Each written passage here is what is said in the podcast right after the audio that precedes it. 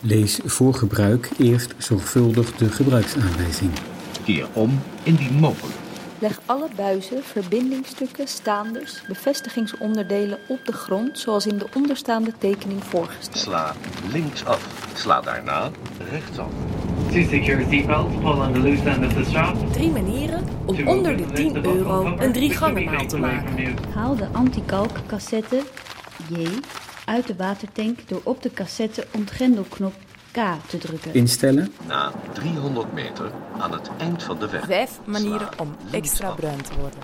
Hey guys, welcome back to another video. Today Na 300 meter op de rotonde. Neem de eerste afrit. Stel in door de kroon in de gewenste richting te draaien.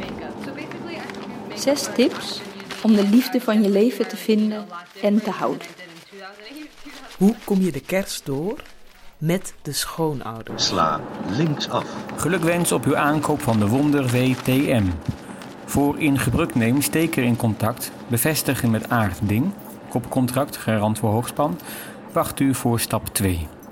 Tot waarschuwlam epivaneert dan zet, zie weergaaf, moederknoop in onstand, tegen de klok, verschakelpal met neerdruk 9. Zin krijgt op spel, uw aankoop is gered. Je bent oud als je weet dat het mei is door te zien dat de narcissen buiten voor je raam aan het bloeien zijn. Je bent oud als iemand iets tegen je zegt over iets dat over twee jaar plaats zal vinden en zich dan schaamt. Je bent oud als de postbode je brieven neerlegt op een stoel in je kamer en de brieven die je schreef mee naar buiten neemt. Je bent oud als je brieven schrijft. Toen je 80 was, was, werd het moeilijk om te lopen. Nu je de 90 nadert, is het afmattend om je pyjama aan te doen. Je bent oud als de ober niet tegen je zegt dat je de menukaart ondersteboven hebt. Je bent oud als je voor een essay over herinneren 84 versies nodig hebt. Je bent oud als aardappelpuree moeilijk om te kauwen wordt. Of als je vermoedt dat het zondag is omdat de post niet komt. Het zou ook kerstmis kunnen zijn. Toen je 80 was, deed je twee dutjes per dag. Nu je de 90 nadert, tel je de dutjes niet meer. Toen je 80 was, at je niet veel. Nu je de 90 nadert, herinner je je om te eten. Je bent oud als je goede vriend Melvin, net 75 geworden, je woedend schrijft over ouder worden. Schrijvend aan een nieuw boek schrijft de schrijver van Essays na je tachtigste aan Melvin dat Melvin niet weet wat oud zijn is. Melvin kan trappen lopen. Melvin vliegt naar de Bahama's met zijn vriendin en zijn vrouw. Als tachtiger ben je onzichtbaar. Nu je de 90 nadert, hoop je dat niemand je ziet. Als 19-jarige was je 1,85 meter. Als 91-jarige zul je 1,58 meter zijn. Welkom bij de podcast van de 21ste maandagavond van de nieuwe tijd. Elke eerste maandag van de maand organiseert het theatergezelschap de maandagavonden, die het midden houden tussen een bonte avond en een salon. In de nieuwe reeks, Het leven een gebruiksaanwijzing, proberen makers Rebecca de Wit, Suzanne Groothuis en Freek Viele de wereld om zich heen te vatten. Dat doen ze met evenveel liefde voor detail als Georges Perec in de 600 pagina's van zijn gelijknamige roman. Op het kleinste podium in Antwerpen zullen zij interviewen, lezen en schrijven. Ze worden daarbij bijgestaan door sprekers, dichters, schrijvers, denkers, muzikanten en kunstenaars. Hun poging? Een gebruiksaanwijzing voor het leven. Eentje die in de keukenla past. Plus de rest van uw keukenapparaten. De, wat ik net voor uh, las, komt van, uh, van deze meneer. Donald Hall. een, een, een, een dichter uit Amerika. Eh, heel erg uh, gelauwerd. En die heeft, uh, toen hij 80 werd, heeft hij Essays After 80 geschreven. En dit, wat ik net voorlas, komt uit dit boek. A Carnival of Losses, Notes Nearing 90. Ver in de 80 blijf ik alleen. Ik leef alleen op een verdieping van de boerderij uit 1803, waar mijn familie heeft gewoond sinds de burgeroorlog. Nadat mijn grootvader stierf, leefde mijn grootmoeder Kate hier alleen. Haar drie dochters bezochten haar. In 1975 stierf Kate op haar 97ste en namen Jane en ik het huis over. Veertig nog wat jaar later, twee decennia na Jane's dood, breng ik mijn dagen in mijn eentje door in een van de twee stoelen. Vanaf een voluptueuze blauwe stoel in mijn woonkamer kijk ik uit het raam naar de ongeverfde oude schuur. Goud en leeg, zonder de koeien en zonder Wiley, het tamme paard. Ik kijk naar een tulp. Ik kijk naar de 150 jaar oude esdoorn. Ik kijk naar de sneeuw. In de ijzeren woonkamerstoel schrijf ik deze paragrafen en dicteer ik mijn brieven. Ik kijk ook naar het nieuws op televisie, vaak zonder te luisteren, en verdoezel dan in de genereuze weldadigheid van het alleen zijn. Mensen willen op visite komen, maar meestal houd ik dat af, om zo mijn voortdurende stilte te waarborgen. Mijn vriendin Lisa brengt twee nachten per week bij mij door. Mijn twee beste mannelijke vrienden van New Hampshire, die in Maine en Manhattan leven, komen zelden langs. Een paar uur per week doet Carol mijn was en telt mijn pillen uit en raapt de dingen achter mij op. Ik kijk uit naar haar aanwezigheid en ben opgelucht als ze vertrekt.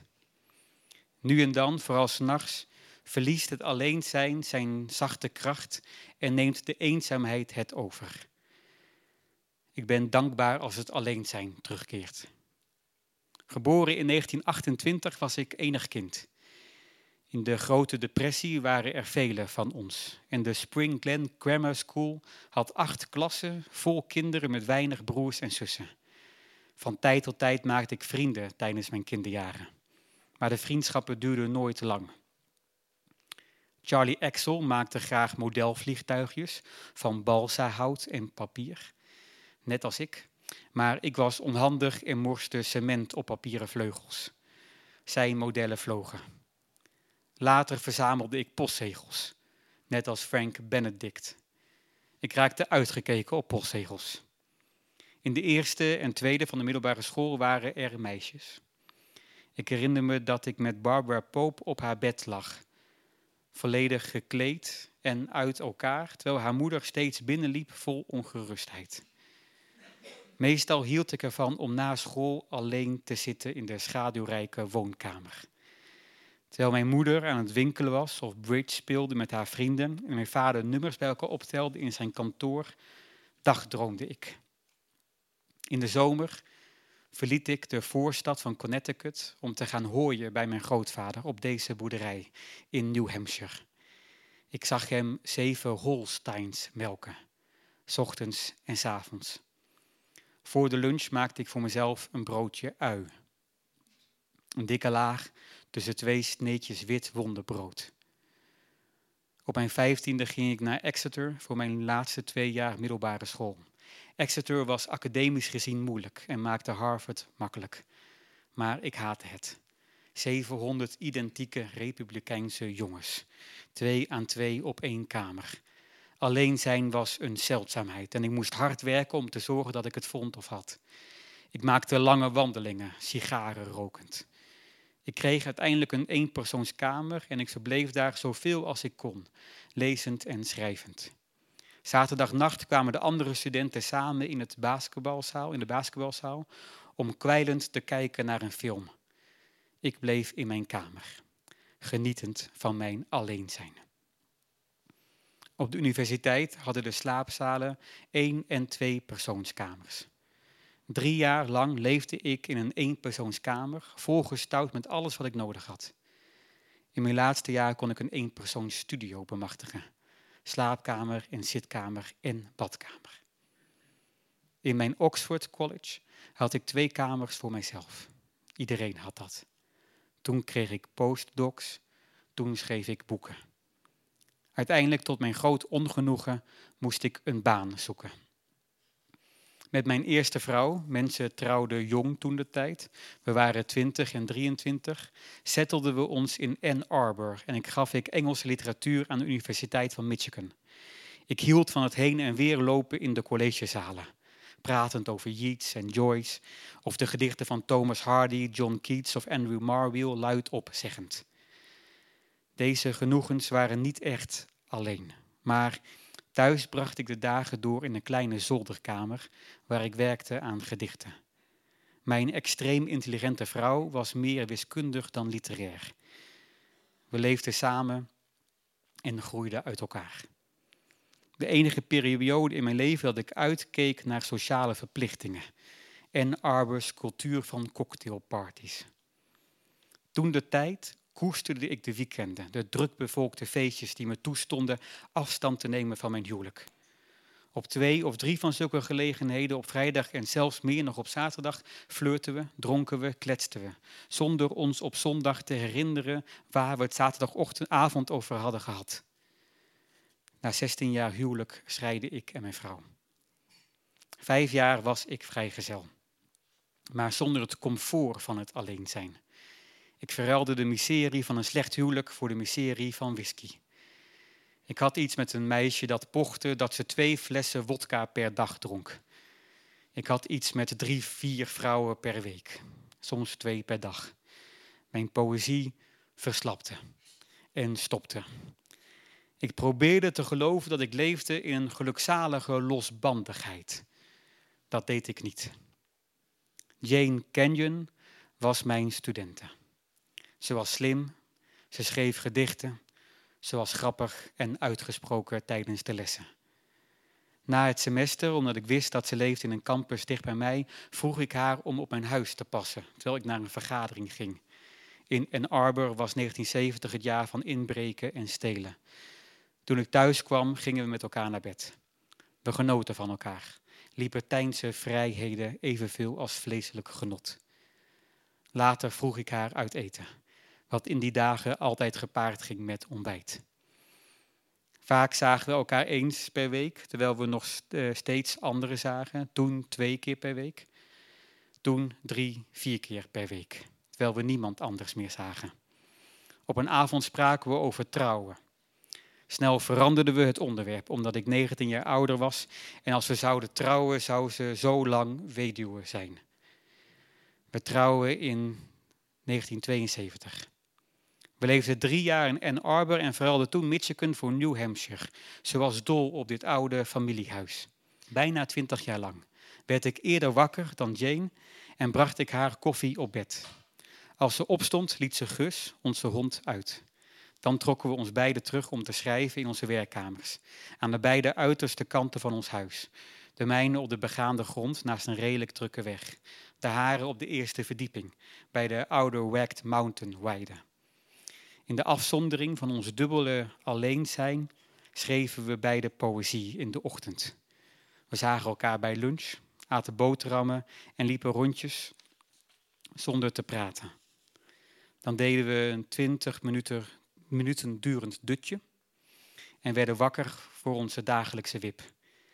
Nadien wou ik knuffelen, maar Jane's orgasme gaf haar energie. Ze haastte zich van bed naar werkkamer.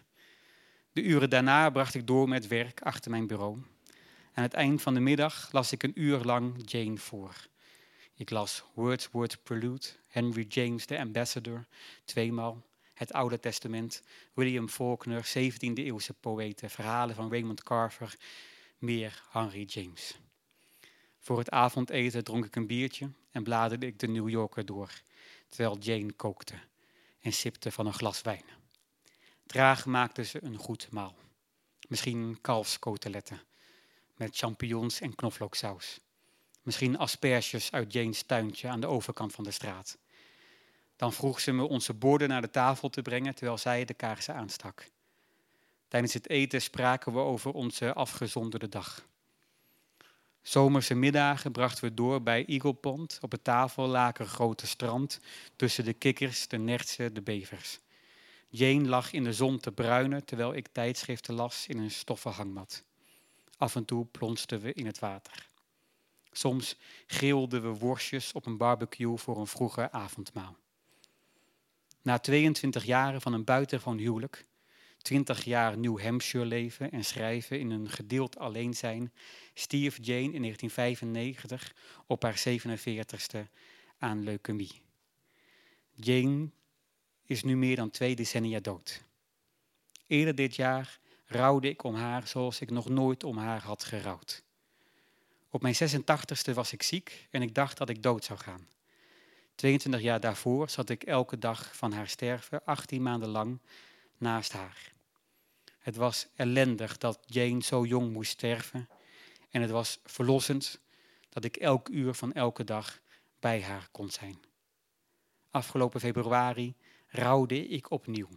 Deze keer omdat ze niet naast me zal zitten als ik sterf. Het is de laatste maandagavond van het seizoen. In de week waarin de Notre-Dame gedeeltelijk in vlammen opging. Waarin de massief eiken balken die het dak al sinds 1345 recht hielden het begeven. In de week waarin de spitse toren die uitkeek over Parijs instortte. Waarin de Zweedse klimaatactiviste Greta Thunberg zich in tranen afvraagt waarom we de planeet niet willen redden, zoals de Notre-Dame. Einde een gebruiksaanwijzing. Daarover gaat deze laatste maandagavond van het seizoen. Het einde als een feest, een ondergang, of juist het begin van iets nieuws. Vorige week maandag um, was ik anderhalf uur te vroeg voor de begrafenis van de beste vriend van mijn vader. En ik zat op de stoep van de Nicolaaskerk in Amsterdam, geïrriteerd, mijn vader sms'jes te sturen, waarin ik zei dat ik allerlei afspraken had. Dus dat ik niet wist of ik die begrafenis nog wel ging redden, nu het anderhalf uur later bleek te zijn.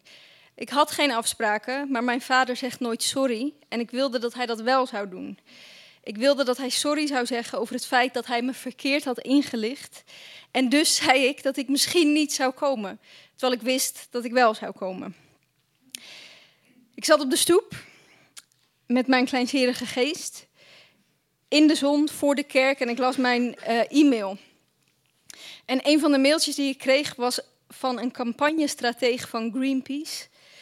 En ik dacht dat het een nieuwsbrief was, maar het was een mail aan mij persoonlijk gericht van die campagnestratege over een tv-optreden dat een paar dagen daarvoor was uitgezonden. Ik had op de televisie een vurig pleidooi gehouden van 12 minuut 13 tegen polarisatie. Of eigenlijk een pleidooi voor met elkaar praten. Voor met elkaar aan tafel gaan zitten. Beter geformuleerd dan dit, maar daar kwam het wel op neer. We moeten met elkaar aan tafel zitten, omdat anders, zo zei ik het, het naar de kloten gaat. En voor wie het zich herinnert, ik heb die speech hier ook gehouden vorige maandagavond. En uh, een van de argumenten die ik daarvoor aandroeg, was dat in de krant had gestaan dat de grootste bedreiging voor deze planeet op dit moment is dat uh, klimaatconferenties mislukken. Dus bedreiging boven wapenwetlopen, boven grootschalige onvrijwillige migratie, boven verval van biodiversiteit staat het mislukken van klimaatconferenties. Um, de campagnestrategie. Sorry, ik was afgeleid omdat ik dacht: misschien moet jij nu weg. Er zit een brandweerman in de zaal, maar het is geen brandweerauto, wel? Je bent oké. Um, de campagnestratege vond het een mooie speech, schreef ze. En ze was het helemaal met me eens. We moeten met elkaar aan tafel zitten, omdat het anders naar de kloten gaat. Het enige probleem is, schreef ze, ik zit al 30 jaar aan die tafel. Maar de rest van de genodigden, de bedrijven, de overheid, komt niet opdagen. Of komt opdagen voor de vorm, want er zijn altijd nog andere tafels waar ik niet zit, waar gelobbyd wordt voor een schaduwakkoord. Ik ben het helemaal met je eens. Het enige probleem is zeggen dat we allemaal aan tafel moeten gaan zitten. Dat we niet moeten vechten, maar praten. Dat is precies wat Shell tegen alle activisten zegt, die rechtszaken tegen ze aanspannen. Maar die activisten spannen geen rechtszaak aan omdat ze zo van vechten houden. Nee, het is precies omgekeerd. Ze spannen rechtszaken aan omdat we dan echt om de tafel moeten zitten, maar dan met een rechter erbij zodat het niet meer vrijblijvend is. Het probleem is, schreef ze, er wordt op dit moment een strijd gevoerd om de werkelijkheid. We hebben 30 jaar gepraat en de partijen komen niet dichter bij elkaar. En een paar jaar geleden realiseerde ik me dat hoe langer ik aan die tafel blijf zitten, hoe meer ik word uitgelachen. Het is een keiharde strijd, dus ik ben sinds anderhalf jaar niet meer aan het luisteren, maar aan het vechten. Hoe vreselijk ik dat ook vind en vernietigend, maar het alternatief is misschien nog wel erger. Ik vrees, schreef ze, dat Max Planck gelijk heeft. De Duitse natuurkundige Max Planck zei dat een paradigmawisseling niet plaatsvindt omdat oude generaties ineens overtuigd zijn van hun ongelijk en het licht zien. Nee, een paradigmawisseling vindt plaats omdat die oude generaties doodgaan. De rouwauto komt aan en moet parkeren waar ik zit. En de Nicolaaskerk, dat is een kerk in Amsterdam voor het Centraal Station, waar toeristen te lang op het fietspad blijven staan en Amsterdammers voortdurend langs racen en af en toe kijk uit je doppen kankerhoer roepen. En ik sta op en ik ga tegen de deur van de kerk staan. De chauffeur van de rouwauto komt naast me staan en begint te roken. Ik ben bang dat die campagnestrategie gelijk heeft. Dat de klimaatprotesten duidelijk hebben gemaakt dat we in kampen zitten. De klimaatdrammers aan de ene kant en de klimaatontkenners aan de andere kant. Dat het een strijd is waar een tafel niks tegen doet. En dat het een strijd is, dat boezemt mij angst in, omdat ik wederzijds onbegrip het verdrietigste vind wat er is. Vechtscheidingen, het verdrietigste wat er is. En wederzijds begrip misschien wel het mooiste. Uit boeken, films, het leven. Wanneer twee mensen op elkaar aangesloten lijken en ze elkaar snappen. Heel even snappen. Stoppen met luisteren en vechten, dat gaat tegen mijn hele opvoeding in. Mij is altijd geleerd dat als je luistert naar de ander, naar het andere standpunt, je in hem probeert te verplaatsen, dat er dan pas iets kan gebeuren wat dit leven de moeite waard maakt. Mij is geleerd dat compassie dit leven de moeite waard maakt. Ja, mijn vader is dominee. Ik loop de kerk, uh, de kerk gaat open, ik loop naar binnen en uh, samen met twee vrouwen die allebei een doorschijnend pakje aan hebben waar hun tieten bijna uitknallen. En een van de vrouwen heeft een, op haar linkerborst een, een tatoeage van Woody Woodpecker. Uh, de man die we gaan begraven, de beste vriend van mijn vader, dat is Theo Beusink. Die is 86 geworden, priester, beschermheer van de Latijns-Amerikaanse vluchtelingen in Amsterdam. En veel daarvan zijn prostituees, die nu allemaal op de begrafenis zijn. Theo, of Padre Theo, zoals hij werd genoemd, was zo'n goede oude christen die het als zijn opdracht zag om zich te bekommeren om de verschoppelingen. En dus zat de kerk bomvol drugsverslaafde, dakloze, hoeren, vluchtelingen. Mensen over wie hij zich ontfermde. En hij pafte zich te pletter. Hij rookte ook wiet. En ik zat achterin tussen die twee Argentijnse hoeren. Die mij vertelden dat ze naast de bananenbar op de wallen met Theo afspraken om te kletsen over het leven. En dat hij ze altijd trakteerde op bitterballen en een biertje. En dat uh, vertelde ze dus in het Spaans, vanuit ik wist dat het Argentijnse hoeren waren. En dat klonk dan zo. Uh, ja, vamos a encontrar eh, encima del banana bar y vamos a tomar un cerveza y bitterballen. We zongen een lied dat ik niet kende, uh, in een C-akkoord, met de volgende tekst. Wat ik altijd uh, fijn vind aan begrafenis is dat daar woorden gebruikt worden die je doorgaans niet zou gebruiken. Soort grote woorden. Licht dat ons aanstoot in de morgen. Voortijdig licht waarin wij staan. Koud, één voor één en ongeborgen. Licht overdek mij, vuur mij aan. Dat ik niet uitval, dat wij allen, zo zwaar en droevig als wij zijn, niet uit elkaars genade vallen en doelloos en onvindbaar zijn. En dan waren daar nog acht coupletten van. En tijdens het stiltegebed riep iemand zonder schoenen en met een t-shirt I Amsterdam aan: Kloten, kloten, kloten. Zo'n begrafenis wil ik ook wel, dacht ik. Ik wil dat iedereen op mijn begrafenis komt. En ik wil naar iedereen's begrafenis. En ik wil dan niet dat op mijn begrafenis iedereen dezelfde trui draagt en onder dezelfde vlag vaart. En ik wist heel even niet hoe je die twee dingen kunt verenigen. Als het een strijd is waarin we leven, hoe gaan onze begrafenissen er dan uitzien? Misschien moeten we afspreken om altijd naar de begrafenis van onze vijand te gaan en altijd soep voor hem te maken als hij ziek is. Ik heb ooit een keer, um, fun fact, um, naar de Verenigde Naties een brief gestuurd alsof ik een achtjarig jongetje was, omdat ik dacht, dan kom ik op het prikbord. Um, ik had een soort idee tegen de oorlog. En dat, ik dacht, de Verenigde Naties moeten een regel instellen dat als je iemand vermoordt, uh, dat je straf dan is dat je de begrafenis van degene die je vermoord hebt moet regelen. En dat leek me dan goed tegen oorlog, omdat je dan moet praten met de ouders en dat je dan een speech moet houden en waarvan die hield en dan hapjes moet maken. En dat je op die manier zoveel um, betekent voor iemand anders dat je waarschijnlijk daarna nooit meer iemand zult vermoorden. Ik heb nooit meer iets gehoord, helaas. ik, uh, ik, vroeg mijn vader hoe Padre Theo was gestorven. En hij ging uh, op tweede paasdag eieren rapen met de kleinkinderen van zijn broers en zussen. En hij kon niet goed meekomen met de kinderen. Dus hadden een stoel gepakt en die in de tuin gezet waar ze eieren gingen rapen. Het was een gigantische tuin. En hij zat daar en hij zag in zijn ooghoek een eitje liggen, wilde dat pakken en stierf. Dat lijkt me mooi. Om dood te gaan terwijl iedereen om je heen eieren aan het zoeken is. En dat lijkt me dan mooi uh, dat met mijn dood er weer verandering mogelijk is. Dat lijkt me sowieso voor de oudere generaties een nobel doel om voor te sterven. Dat er met jouw dood weer dingen mogelijk worden. En het lijkt me mooi dat er dan iemand op mijn begrafenis is, op blote voeten, die klote, klote, klote zegt tijdens het stiltegebed. En dat er dan minstens één iemand is met een tatoeage van Woody Woodpecker op haar linkertiet.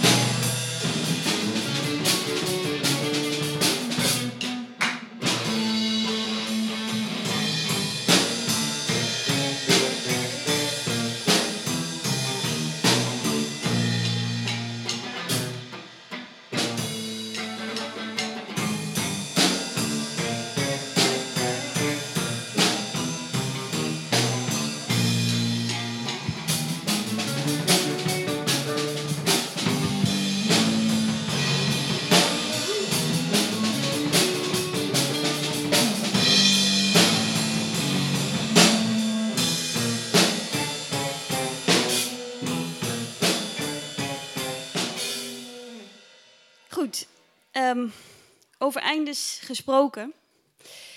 Ik denk dat ik deze maand uh, iemand heb vermoord. Dat zei ik afgelopen vrijdag tegen mijn psycholoog, met wie ik sinds kort het leven bespreek. Oh, zei hij. En hoe voelde je daarbij? Nee, dat zei hij niet. Uh, hij, zei, hij zei niets. En hij keek me uh, vragend aan. Meestal beginnen we zo'n gesprek met wat small talk. Zo van, hoe gaat het? Goed, prima. Wil je thee? Water? Ja, lekker, dank je. Uh, en met jou? Ja, ook prima. Ik vind dat een psycholoog ook even mag zeggen hoe het met hem is. Ja, prima, zegt hij. En uh, waarop hij een waterkan vult en die op het tafeltje zet naast de wekpot met een waterplantje erin ter decoratie. Maar deze keer zei ik, nog voordat ik was gaan zitten, ik denk dat ik iemand aan zijn einde heb gebracht. Het viel even stil en mijn psycholoog schreef iets op. Ik vroeg me af wat hij had opgeschreven. Misschien wel niks, misschien was het potlood vasthouden wel zijn houvast in gekke situaties. Of schreef hij gewoon zodra een cliënt iets krankzinnigs zei: 1, 2, 3, 4, 5, 6, 7, 8. Ik ging verder. Uh, Graham heet hij. Het is uh, mijn buurman.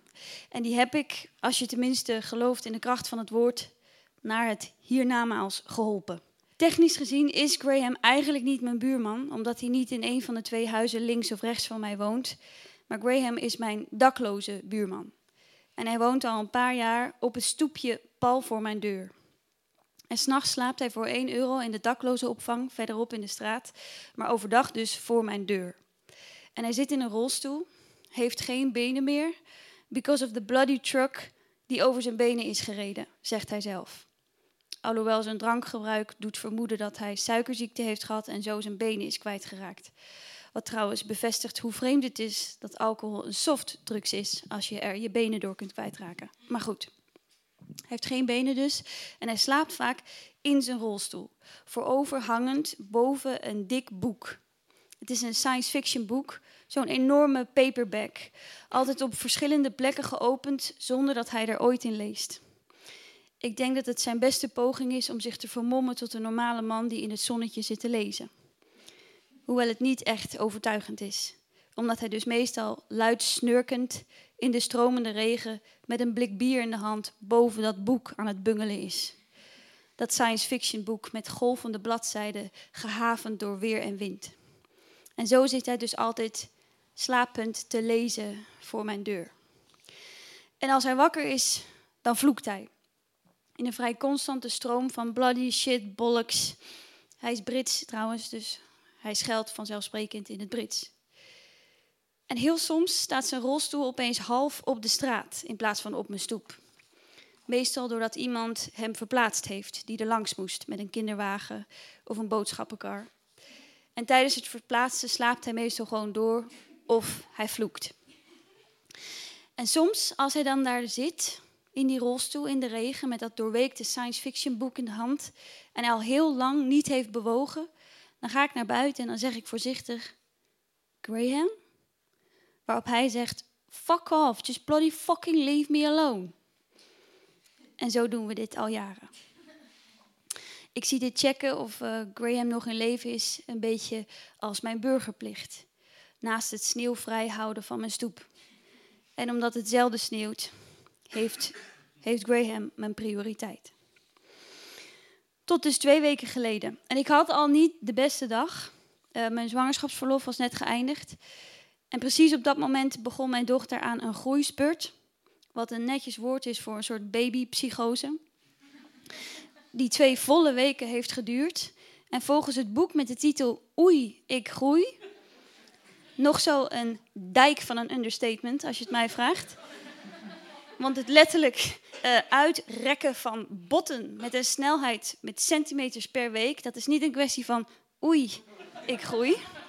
Maar goed, volgens dat Oei, ik groei boek was deze groeispurt het moment waarbij ze dingen niet meer in stilstaande, afzonderlijke beelden waarneemt, maar opeens in een vloeiende overgang. Dus zij ging van het ene moment op het andere van foto's naar film. En dus voor het eerst kreeg ze een besef dat dingen ook met elkaar te maken hebben. Een gebeurtenis zijn. En om dit te kunnen snappen, moeten dus hersenen letterlijk al groeiend nieuwe neuronen, zenuwbanen aanleggen. En dit is voor een baby van drie maanden blijkbaar zo ontwrichtend en zo verwarrend dat ze alleen maar in je armen willen liggen met hun ogen dicht en huilen. Wat we dus ook hebben gedaan, dagenlang. In elkaars armen liggen met onze ogen dicht en huilen. En tijdens die dagen dat we in de donkere slaapkamer woonden, heb ik het boek De Onbewoonbare Aarde gelezen. Met als ondertitel Alles wat je niet wilt weten over klimaatverandering. Wat geen goede combinatie was, kan ik je vertellen. Zij huilend omdat ze gebeurtenissen zag, ik huilend omdat alles naar de kloten gaat. En als ze 16 is, op een verschroeide aarde zal leven met 5 miljard mensen op de vlucht. En dat ik haar dan zal zeggen dat we ooit heel erg in de war raakten van een handjevol mensen die per boot Europa probeerden te bereiken. En ze zou zich niet kunnen voorstellen hoe anders en rustig en groen het ooit was. En toen ik na deze twee ontluisterende dagen in de donkere slaapkamer voor het eerst buiten kwam, omdat het katteneten op was, en de kat haar leven ook nog eens volledig van mij afhankelijk was. De man des huizes was namelijk niet in staat om boodschap te doen, omdat hij wegens, dank je, omdat hij wegens te hard werken zijn batterijen even moest gaan opladen en dat al windsurfend was gaan doen op Fuerteventura. Een vlucht letterlijk en figuurlijk, waarvan de CO2-uitstoot alleen al genoeg is voor een heel jaar, als we onder de 2 graden norm willen blijven. Maar goed, door dus die lege batterijen en het windsurfen als gevolg en de hongerige kat, had ik nu dus naast de moeder ook de rol van jager-verzamelaar op me gekregen. En toen ik beneden kwam en had vastgesteld dat de kat vanwege de honger de kamerplant had opgegeten, waarna ze werkelijk de hele benedenverdieping had ondergekotst. Katten kunnen namelijk niet tegen planten eten. Nog een hele bevolkingsgroep naast de 50-plussers die geen vegan zal worden, alsof het niet erg genoeg is. Maar goed, dus toen ik beneden kwam en zag dat alles ondergekotst was en ik mijn dochter in de buggy de voordeur uitploeterde, stond Graham daar, zoals altijd, in de weg. En ik zei: Hey Graham, ik heb hier geen tijd voor, dus I will roll you a bit to the left, oké? Waarop hij zei: Fuck off, bloody bastard. En toen ik hem, terwijl ik de buggy met één hand vasthield omdat de remmer van niet werkt, toen ik hem dus een beetje opzij schoof, koos hij precies dat moment uit om zijn blaas te legen. Of beter gezegd, de fles waarin hij al eerder zijn blaas had geleegd. Dus die fles met oude pis goot hij leeg over zichzelf, over het science fiction boek, over de wielen van de buggy en een beetje over mij. Wat zo onrespectvol en smerig was, dat ik zei: Jesus Graham, just fucking die already. Waarop ik hem op de stoep liet staan, de buggy rond de plas manoeuvreerde, naar de Albert Heijn liep, op zoek naar biologisch kattenvoer en die paar godvergeten onvindbare palmolievrije producten. Het viel even stil, waarop de psycholoog opkeek van zijn blad, zijn potlood in de aanslag voor als ik verder zou gaan. En nu komt het, zei ik. Een week later, toen alles langzaam weer een beetje genormaliseerd was, mijn vriend terug van het surfen, ik het boek over de toekomst had uitgelezen en mijn dochter haar hersenen tot rust waren gegroeid en we heel voorzichtig buiten kwamen voor een beetje vitamine D, was Graham verdwenen. Hij zat niet meer op de stoep. Ik liep de straat in, voorbij het Rummikup Café, een vaste waarde in mijn straat waar al acht jaar door Turkse mannen wordt gerummikupt elke dag. En op, de deur, op de deur hing een bordje met faillissement over te nemen. Ik kreeg een slecht voorgevoel. Ik zette mijn telefoon aan na een paar dagen vliegtuigstand en er gingen zoveel pings en piepjes af dat het een soort elektronisch lied vormde. 374 nog te lezen WhatsApps, 58 mails, drie Facebook-berichten. Ik open het nieuws. De redactie.be. De Notre Dame is afgebrand. Een aanslag in Sri Lanka. De brexit nog niet uitgevoerd. Aardbeving in de Filipijnen. Modderstroom in Colombia. Ajax naar de halve finale. En dan, bij lokaal nieuws, ik zweer het, in een klein berichtje helemaal onderaan. De bekende Antwerpse dakloze Graham overleden. Vaak te zien in zijn rolstoel op de Groenplaats in Antwerpen en in Antwerpen-Noord. Aan hartfalen overleden. De bekende Vlaming Axel Dazelere werd gequote dat het zonde was.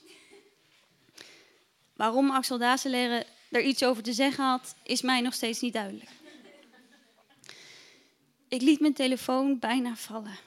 Dit is trouwens echt allemaal echt gebeurd. Precies zoals ik het zelf zeg. Ik liet mijn telefoon bijna vallen en kreeg het koud van binnen. En ik stond daar net zo lang totdat mijn echte buurman voorbij kwam, die goeiemorgen zei en vroeg of alles goed ging. Ik zei niets. Wat kon ik zeggen? Die enige keer ooit dat ik iemand iets slechts toewenste, stierf hij als gevolg.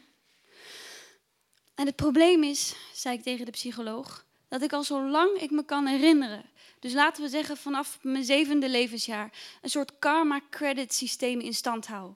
Het had vroeger vooral met Sinterklaas te maken, maar het komt op hetzelfde neer. Ik geloofde dat als ik goed zou doen, dat er dan goede dingen zouden gebeuren. En zo heb ik het altijd gedaan. Oké, het leven bleek soms een uitzondering te maken. Een huisdier ging dood, een liefde ging stuk. Maar al met al klopte het, dacht ik. En als ik goed deed, dan zou de wereld beter zijn. En dat impliceert vooral het tegenovergestelde. Als ik slecht zou doen, zouden er slechte dingen gebeuren. Dit is de reden waarom ik al heel mijn leven mensen help met oversteken. Katten uit bomen red, de weg wijs, wat me een stuk beter afgaat sinds de komst van Google Maps. En waarom ik luister naar iemand met een clipboard van het Wereld Natuurfonds. Niet alleen maar omdat ik denk dat ik op die manier mooie cadeaus met Sinterklaas zou krijgen, of in het tegenwoordig systeem iets wat men geluk noemt, maar vooral vanwege de keerzijde. Dat als ik het niet doe, dat andere mensen het dan ook niet voor mij zouden doen als ik het nodig heb. En nu, voor het eerst in mijn leven dat ik twee seconden heb gezondigd volgens mijn uiterst geavanceerd karma credit systeem, gebeurt dit. Ik snap natuurlijk ook wel dat ik hem niet heb vermoord. Maar het idee dat ik hem vlak voordat zijn hart het toch al zou begeven zei: Just fucking die already, vervult me met iets wat me de adem beneemt hier ergens onder in mijn hals. Mijn psycholoog kijkt voor zich uit. Hij heeft al een tijdje niets opgeschreven en mompelt dan: Ach, aan alles komt een einde. Ik vraag me af of hij misschien ook vorige week dat boek De Onbewoonbare Aarde heeft gelezen. Het is een bestseller momenteel. We staren allebei zwijgend voor ons uit. Ik kijk naar de wekpot op tafel met daarin dat plukje waterplant. En dan opeens zie ik een piepkleine vis. Hé, hey, er zit een vis in die wekpot, wist je dat? zeg ik. Ja, zegt mijn psycholoog, dat heb ik ook nog maar pas ontdekt. Het is een verstekeling, denk ik, meegekomen met het waterplantje van de plantenwinkel. Ik heb haar Arinushka genoemd, naar een muziek, muziekstuk van Arvo Pärt. Ken je dat? Hij speelt het af op zijn telefoon. En we kijken naar de kleinste vis die ik ooit heb gezien. Ze is nog geen halve centimeter groot en een beetje doorschijnend, terwijl we luisteren naar het nummer met haar naam. Het valt weer stil. Ik vraag me ineens af wat er met het science fiction boek gebeurd is. Of iemand eruit zou hebben voorgedragen tijdens de begrafenis. Als die er al was. En als er al mensen waren. En als er al mensen waren die het boek durfden vasthouden. Misschien las iemand wel voor. En toen zagen de bewoners van planeet Trafalmadore hoe de kleine blauwe aarde onbewoonbaar werd. En de mensen verdronken in een meer zo groot dat het de hele planeet omspande, zout geworden van hun eigen tranen. De tijd is om, zegt de psycholoog. Wil je betalen met de bankcontact-app? Normaal staat er een muzikant met een gitaar. Of een band in een bescheiden opstelling op het kleine podium. Voor de laatste maandagavond heeft de nieuwe tijd voor Kaskoui, een Gentse noiseband, gekozen. Voor jong geweld. En dat mag u best letterlijk nemen. De laatste maandagavond eindigt het bangend op de dansvloer. Welcome, pilot. To Space Project XYWBB7432, exploring Moon for possible life form. On your left side, you see your suit with gravity boots, a Bacta tank that's fully loaded, and an oxygen mask. The cable cord on the back will be pulled to return to mothership. On your right side, you see a red button. When you push it, you will be out in space. Communication to tower will be stable, and we will see you soon, pilot.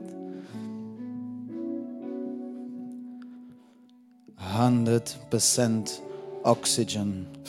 Extending cable cord, oxygen mask is on, and back the tank fully loaded.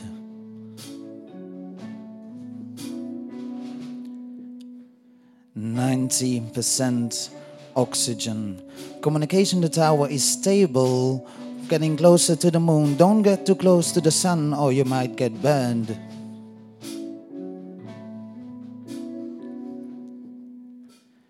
Eighty percent oxygen. When on moon, take monsters of possible life form, return to mothership and talk to Captain Bursberry. 70% oxygen. Bacta tank is fully loaded. Communication to tower is stable. Cable cord is extending to full maximum potential of cable cord. We will see you soon, pilot. 60% oxygen. Landing program is in process. Gravity boots are on, and now we give you power to get moon close, close, close, close. 50% oxygen. Walk around on moon, pilot. You will not have much time, but we fill your Bacta tank and communication to tower is stable. We will pull cable cord now. 40% oxygen. Communication to tower is stable. We will see you soon. Cable cord, purr, purr, uh, oh, overload, overload, pull, uh, Thirty percent oxygen. Lose data, lose data, cable cord. er, Communicate, Cap- Captain Burrs, Bird, Bird, Bird,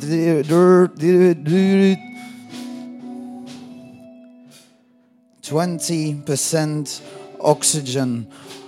This is Arrow voice speaking. When not close to mothership, breathe heavily. Pilot, breathe heavily. Don't panic. Breathe, breathe, breathe.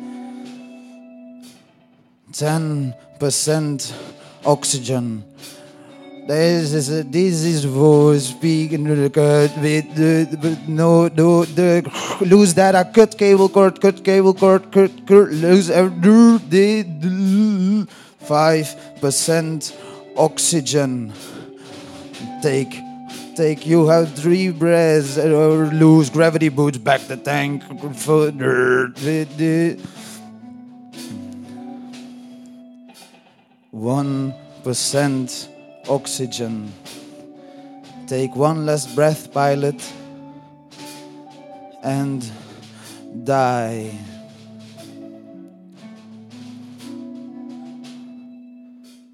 Zero percent oxygen.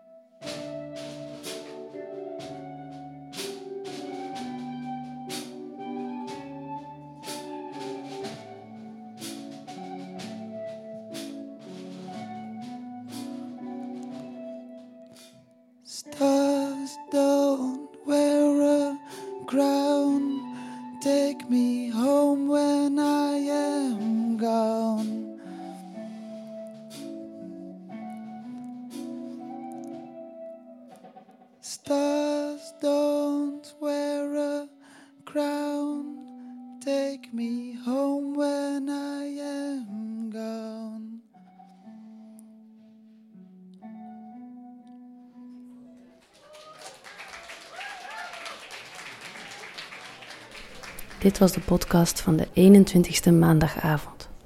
Opgenomen op 6 mei 2019. U hoorde Freek Ville, Rebecca de Wit en Suzanne Grotehuis. De muziek was van Kaskoei. Ik, Xandri van den Besselaar, heb het opgenomen en gemonteerd. U kunt de podcast terugluisteren via de website www.denieuwetijd.be slash podcast of op de Soundcloud van de Nieuwe Tijd. De maandagavond is elke eerste maandag van de maand. Telkens om 20 uur in de Sint-Paulusstraat 23. De volgende, die is na de zomervakantie. Meer info vind je op www.denieuwetijd.be. Reacties zijn altijd welkom via info@denieuwetijd.be. Zes tips om de liefde van je leven te vinden en te houden. Read all instructions before use. Warning.